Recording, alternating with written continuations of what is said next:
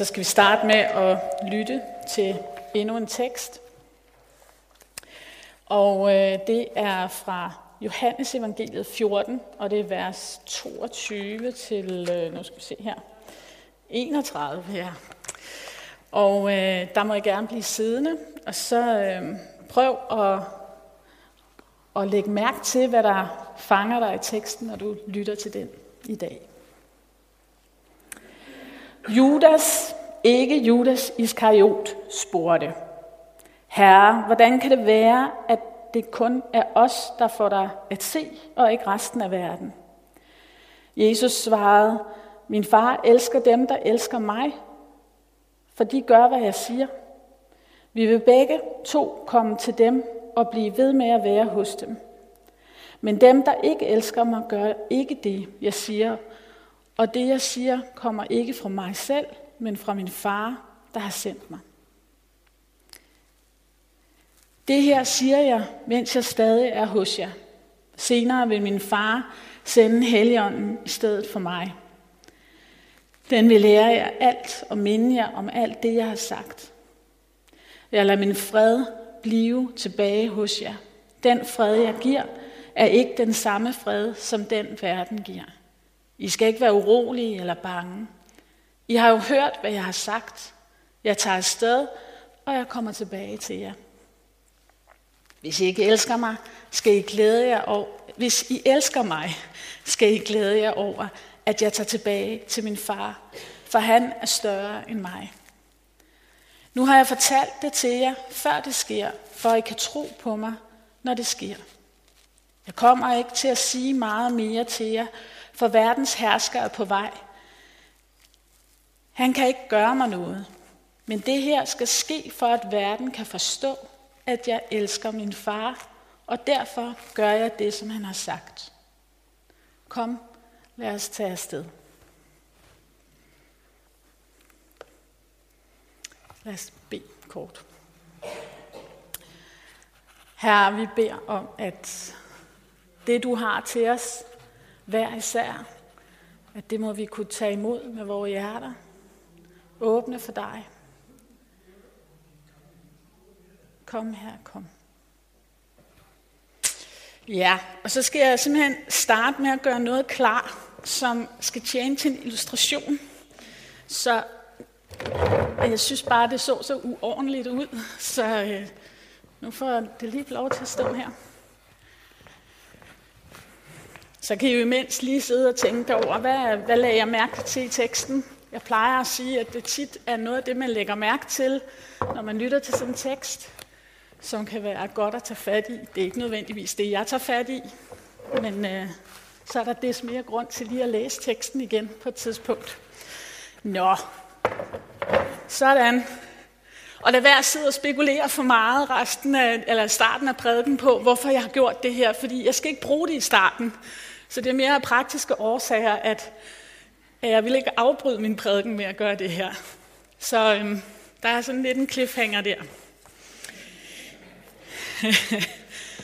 Jeg ved godt fra øh, her i foråret, hvor jeg fik nævnt en eller anden beretning fra Tintin og øh, i Tibet, ikke? Og så, øh, når der så kommer en op bagefter og viser mig, at man kan få figurer med det på sin telefon, så tænker jeg, ah, så var der måske en, der blev grebet mere end Tintin end, end en prædiken, det ved jeg ikke helt.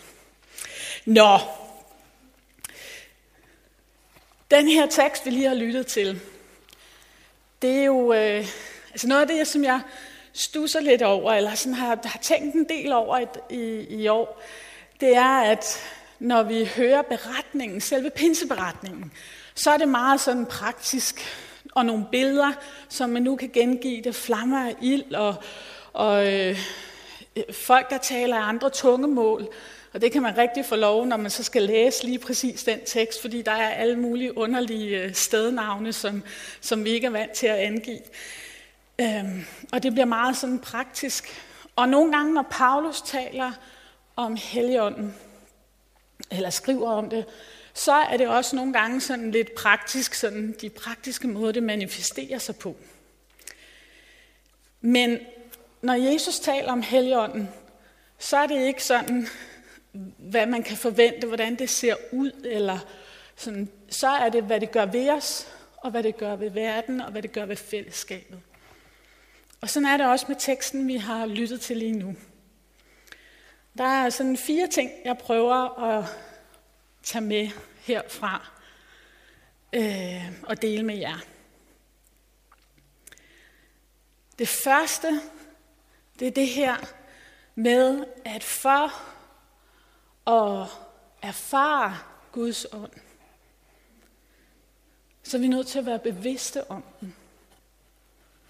Det her med, at dem, der elsker mig, de gør det, jeg øh, siger, og det Gud siger. Og dem, der ikke elsker mig, de gør ikke det, jeg siger. Der er simpelthen brug for, at vi, at vi er bevidste. Og at, om, at vi er elskede af Gud og elsker ham. Og hvordan det så ser ud i vores liv, hvordan vi erfarer det. Der er brug for, at vi øh, får den bevidsthed med os. Hvordan det så erfares, hvordan det manifesterer sig, det vil jeg ikke stå her og sige til jer, hvordan det, det opleves. Fordi jeg oplever, når jeg snakker med mennesker, at det er på meget forskellige måder. Men en af de vigtige måder til at være, være så bevidst om at være elsket af Gud, og at du elsker Gud, det er i bønden. Det er at bruge tid på bøn. Tal med Gud. Bed til Jesus, eller bed til Gud i Jesu navn. Det er også noget af det, han har haft fat i i øh, de foregående kapitler til det, vi læser nu. Bed. Og det er samtale med Jesus. Det er også sådan, at vi har det bedst med de mennesker, vi, vi elsker. Det er jo ved at have relationen, at den er varm sammen med dem. Og holde dem i vores bevidsthed. Det er at tale med dem eller skrive til dem. Så det er en vigtig del af det. Og hvis du sidder her og tænker, alt det med Gud, det, det ved jeg ikke helt, det er, det er jeg ikke helt styr på. Og jeg synes da slet ikke, når du begynder at snakke om helligånden, hvad er det for noget? Jamen så kan en stille enkel bøn om, at det vil jeg gerne lære bedre at kende. Det vil jeg godt erfare. Og en åbenhed for så at kigge på din dag og din uge. Hvordan har det vist sig i dit liv? Det er et sted at starte.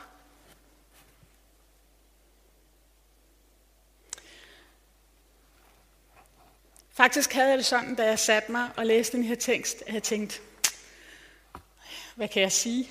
Øh, fordi det er alt sammen sagt den forgangne måned. Hvis vi går tilbage til Peter Götz, vi havde besøg om, der talte om fred og shalom.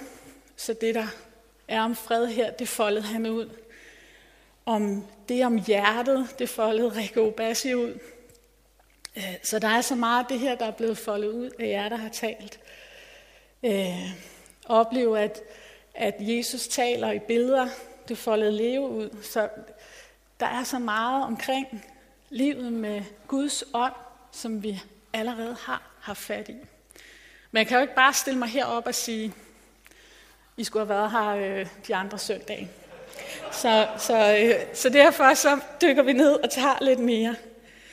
Det jeg havde fat i sidste gang, det er så en af de ting, som, øh, som, som også er her. At Helligåndens opgave er at lære os Jesus bedre at kende.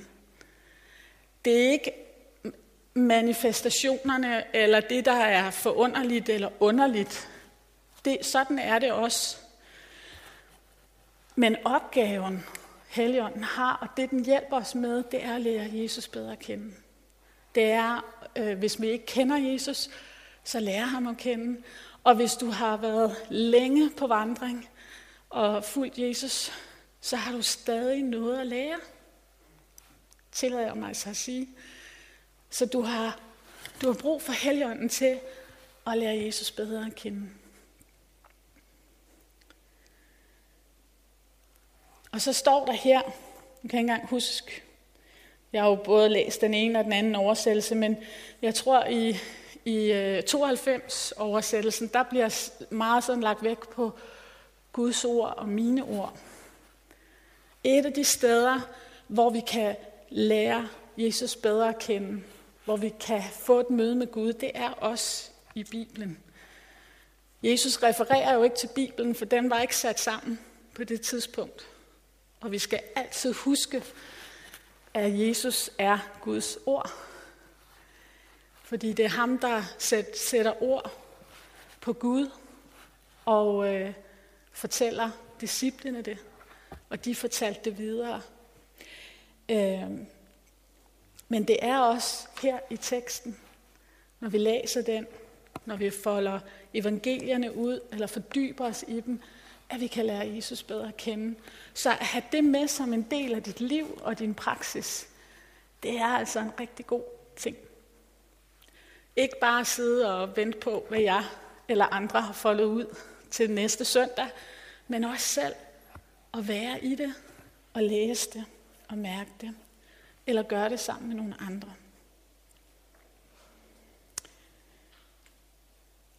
Og så nævner Jesus, at der er en gave med. En fred, som Gud giver fred.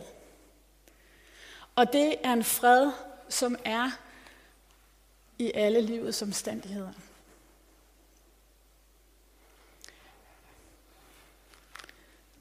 Jesus, for at være helt sikker på, at vi forstår det, så siger han, det er ikke, ligesom verden giver. Det er en fred, som kun Gud kan give. Og nu er det, vi når til illustrationen, og så havde jeg ikke helt gennemtænkt, da jeg tog hæle på. Så, men nu, for ikke at lave ulykker her, så, øhm, så tager jeg så lige sko med. Billedet, det normale, sådan et billede, når vi taler om vores tro og livet med Gud, det kan meget nemt enten blive pil opad, altså at være på toppen, ikke? Der skal vi være. Nogle sammenhænge til nogle tider i kirkehistorien, så har der også nogle gange været at være i dalen, i bunden. Når vi er øh, nede i, i der, hvor at det hele tiden bliver fokus på at være hernede, så er det meget sådan en jeg arme sønder. Intet går godt, og jeg er frelst på trods af mig. Og der har også været, nu vil jeg ikke, jeg tror det var flagellanter, der altså nogen, der næsten dyrker det her øh, igennem kirkehistorien. Det er bare sådan et af de eksempler, som nogen af jer måske har stødt på i film eller noget andet, at man sådan pisker sig selv. Altså det kan, man kan ikke komme langt nok ned, og det er der, det gælder om at være. Den del af kirketraditionen, som jeg selv er vokset op i, der tror jeg nok, vi lidt havner i det her billede. Det her, det er normen. Det her, det er her, vi skal være. Vi kan sågar havne i, hvad enten vi så er en kirketradition, hvor at det simpelthen bliver i talesat, at det er sådan, øhm, så er det, at Gud er med mig, når jeg, har, når jeg er på toppen. Det er et tegn på, at Gud er med mig. Hvis jeg er her, så er Gud nok ikke med mig.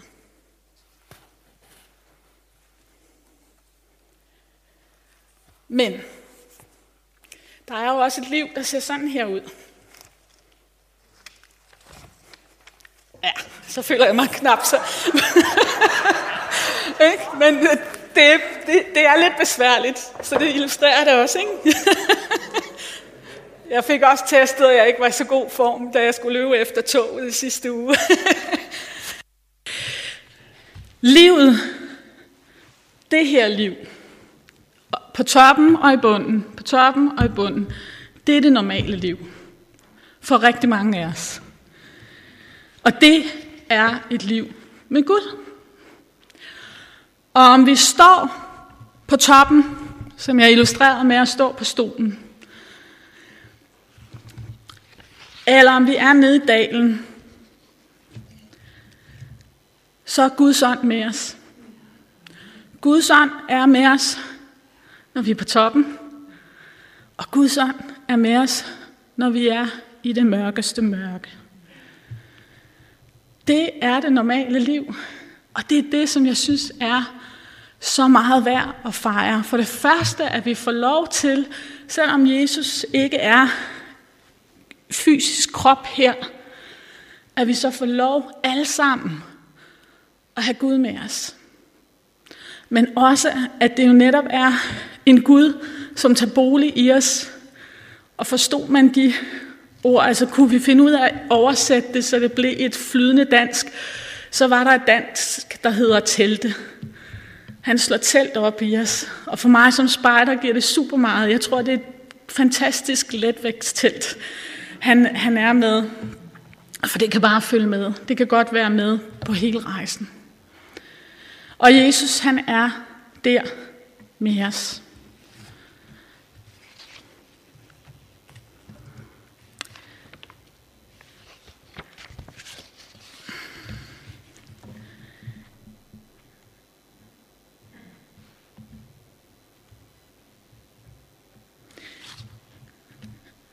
Vi får en fred, som er overgår alt forstand. Det er ikke nødvendigvis en fred af, at der er helt roligt, eller en fred, hvor at man ikke kan mærke den uro, der er. Vi får tit billedet af, at fred fra Gud, det skal der være fred i verden. Vi har, vi har bedt om fred. Og det er også skønt, når det er der. Men der er tider i vores liv og i vores verden, hvor der ikke er fred. Og der får vi stadig Guds fred. Det betyder ikke, at du ikke kan mærke uroen eller tvivlen. Men det er der, hvor du får livsånde til at være og trække vejret i de omstændigheder, du er. Til at trække vejret i de omstændigheder, som kan være, at du er syg, at du har ondt fysisk.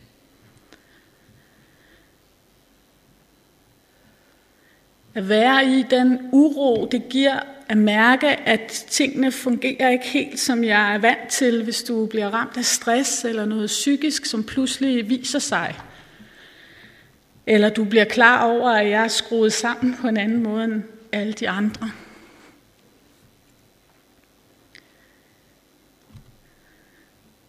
Freden, når, øh, når du mister. Selvom alt i dig kan være i oprør over det savn, det tab og de konsekvenser, det har i dit liv.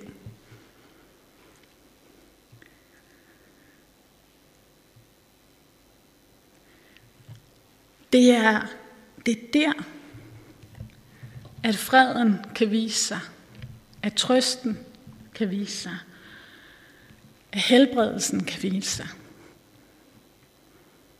Nogle gange så får vi virkelig lov at opleve en trøst eller en helbredelse. Øhm, eller at det, der er kaos og konflikt, løser sig. Og andre gange, så er det at opleve trøsten, helingen og freden midt i den værtslige konflikt, sorg eller øh, sygdom.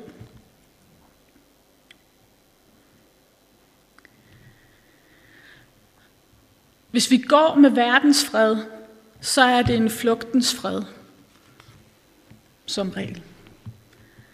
Så er det den type trøst eller flugt, som måske opleves som fred lige når vi vælger den konflikten og vende det hele ryggen. Det, jeg siger ikke, det kan være, en situ- kan være situationer, hvor at det er det, vi må gøre. Men det er nok ikke det første, vi skal. Men konflikten, og bare vende det hele ryggen, og la la la, jeg kan ikke høre. Altså, det er jo det, der næsten ligger i, når man som børn nogle gange kan finde på, øh, jeg vil ikke høre det her, jeg, vil ikke, jeg er ikke her. Fordi ved at bevæge sig væk fra det, så får vi jo hurtigt fred. Ved at flytte os fra de problematiske mennesker, som har nogle underlige holdninger, eller gerne vil diskutere ting med os. Øh, eller de der familiemedlemmer, som bare er så trælse. Ja, så får du fred her og nu. Og der kan også være ting, vi søger trøst i. Der får du trøst her og nu. Og det er så besnærende. Men det, der er med den fred og den trøst, det er, at den varer ikke særlig længe. Det gør Guds fred.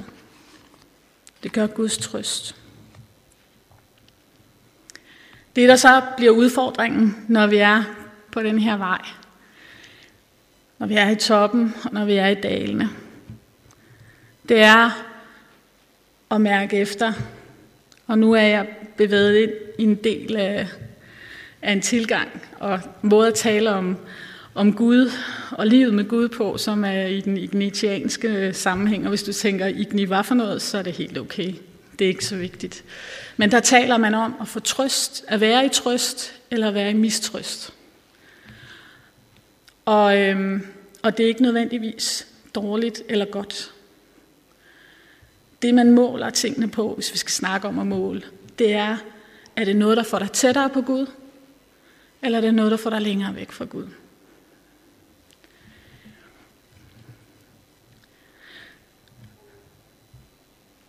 Og så er det jo forunderligt, synes jeg, når man snakker om det, at Gud er der egentlig hele tiden. Det er derfor, jeg startede med at sige bevidstheden om, at Gud er med, er vigtig. Og så at opdage, at når du bevæger dig væk fra Gud, så kan det godt være, at han er der, men så er det fordi din bevidsthed og dine tanker om Gud i den del af livet, du er i, lige pludselig er væk. Det sker rigtig tit op på toppen, venner. Når det bare kører, så er der da ikke grund til at bede. Så kan vi godt tænke, at Gud rammer os med det, der er svært, for at få os til at bede. Det må være ærligt at sige, den tanke er jeg ikke helt forlignet med. Øhm, så, men, men ja, det kan, der er nogle gange, når jeg tager turen med at skvat, og så synes jeg nogle gange, så skal jeg ikke bare falde. Jeg skal også lige have lov at have turen hen over asfalten, før jeg fanger et eller andet. Og der har jeg nogle gange tænkt, at det måtte da være Guds, det måtte være Gud, der gerne ville have, at det skulle være sådan. Det tror jeg altså bare ikke. Men at jeg så kunne være stedig nok til at øh, holde fast i noget af det, der ikke gav den gode trøst eller healing, det er så noget andet. Vi har brug for Guds ånd, en bevidsthed om den. Bevidstheden om også, at dens opgave er at lære os Jesus bedre at kende, og så tage imod gaven, som er fred, og som i øvrigt har en masse facetter af smag, af tålmodighed og godhed og glæde og andre aspekter. Og så at den er med i sjælens bevægelse.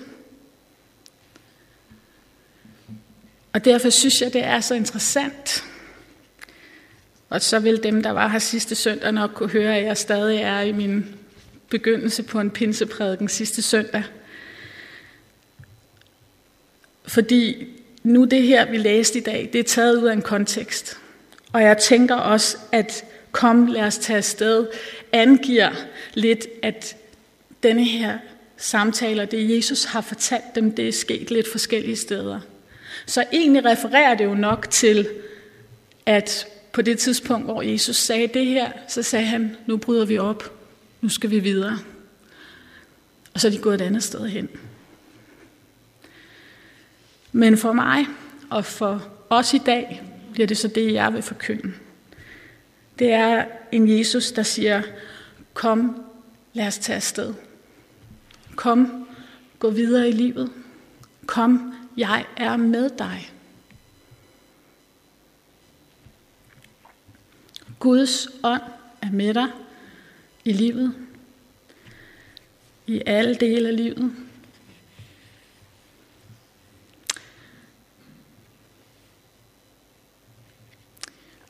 Og så er det, vi i vores kirke har en sætning, der hedder åben for Gud og mennesker. Vær åben for, at Gud ikke bare er i dig, men kan komme til dig i andre mennesker.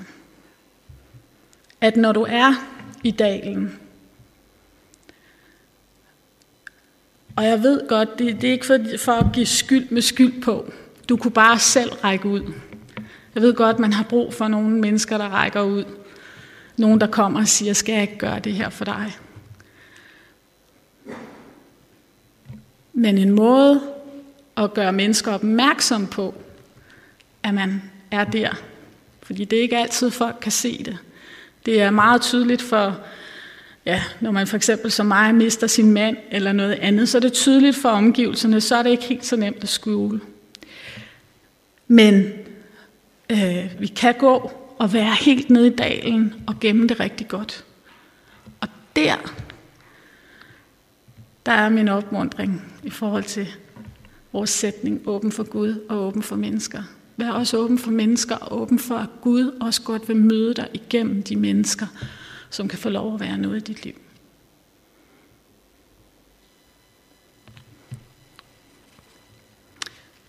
Jeg skal bede.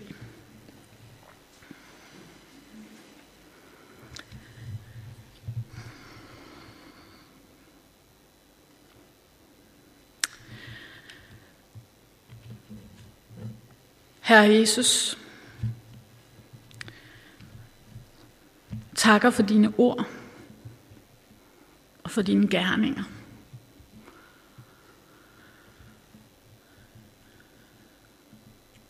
Tak, at du var menneske ligesom os. Og mærket på din krop, hvordan det er at være menneske. At være på toppen og være i dalen. At være der, hvor det er skønt med en masse omkring sig. Og være helt alene.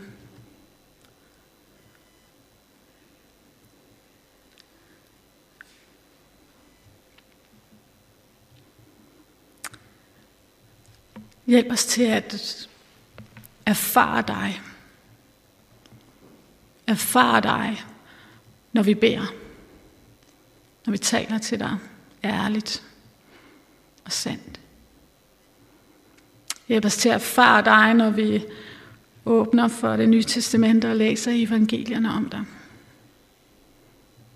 Hjælp os til at se og erfare dig, når vi møder andre mennesker.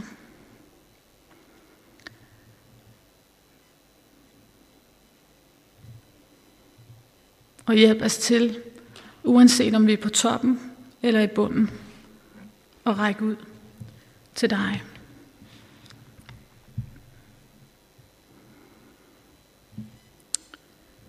Amen.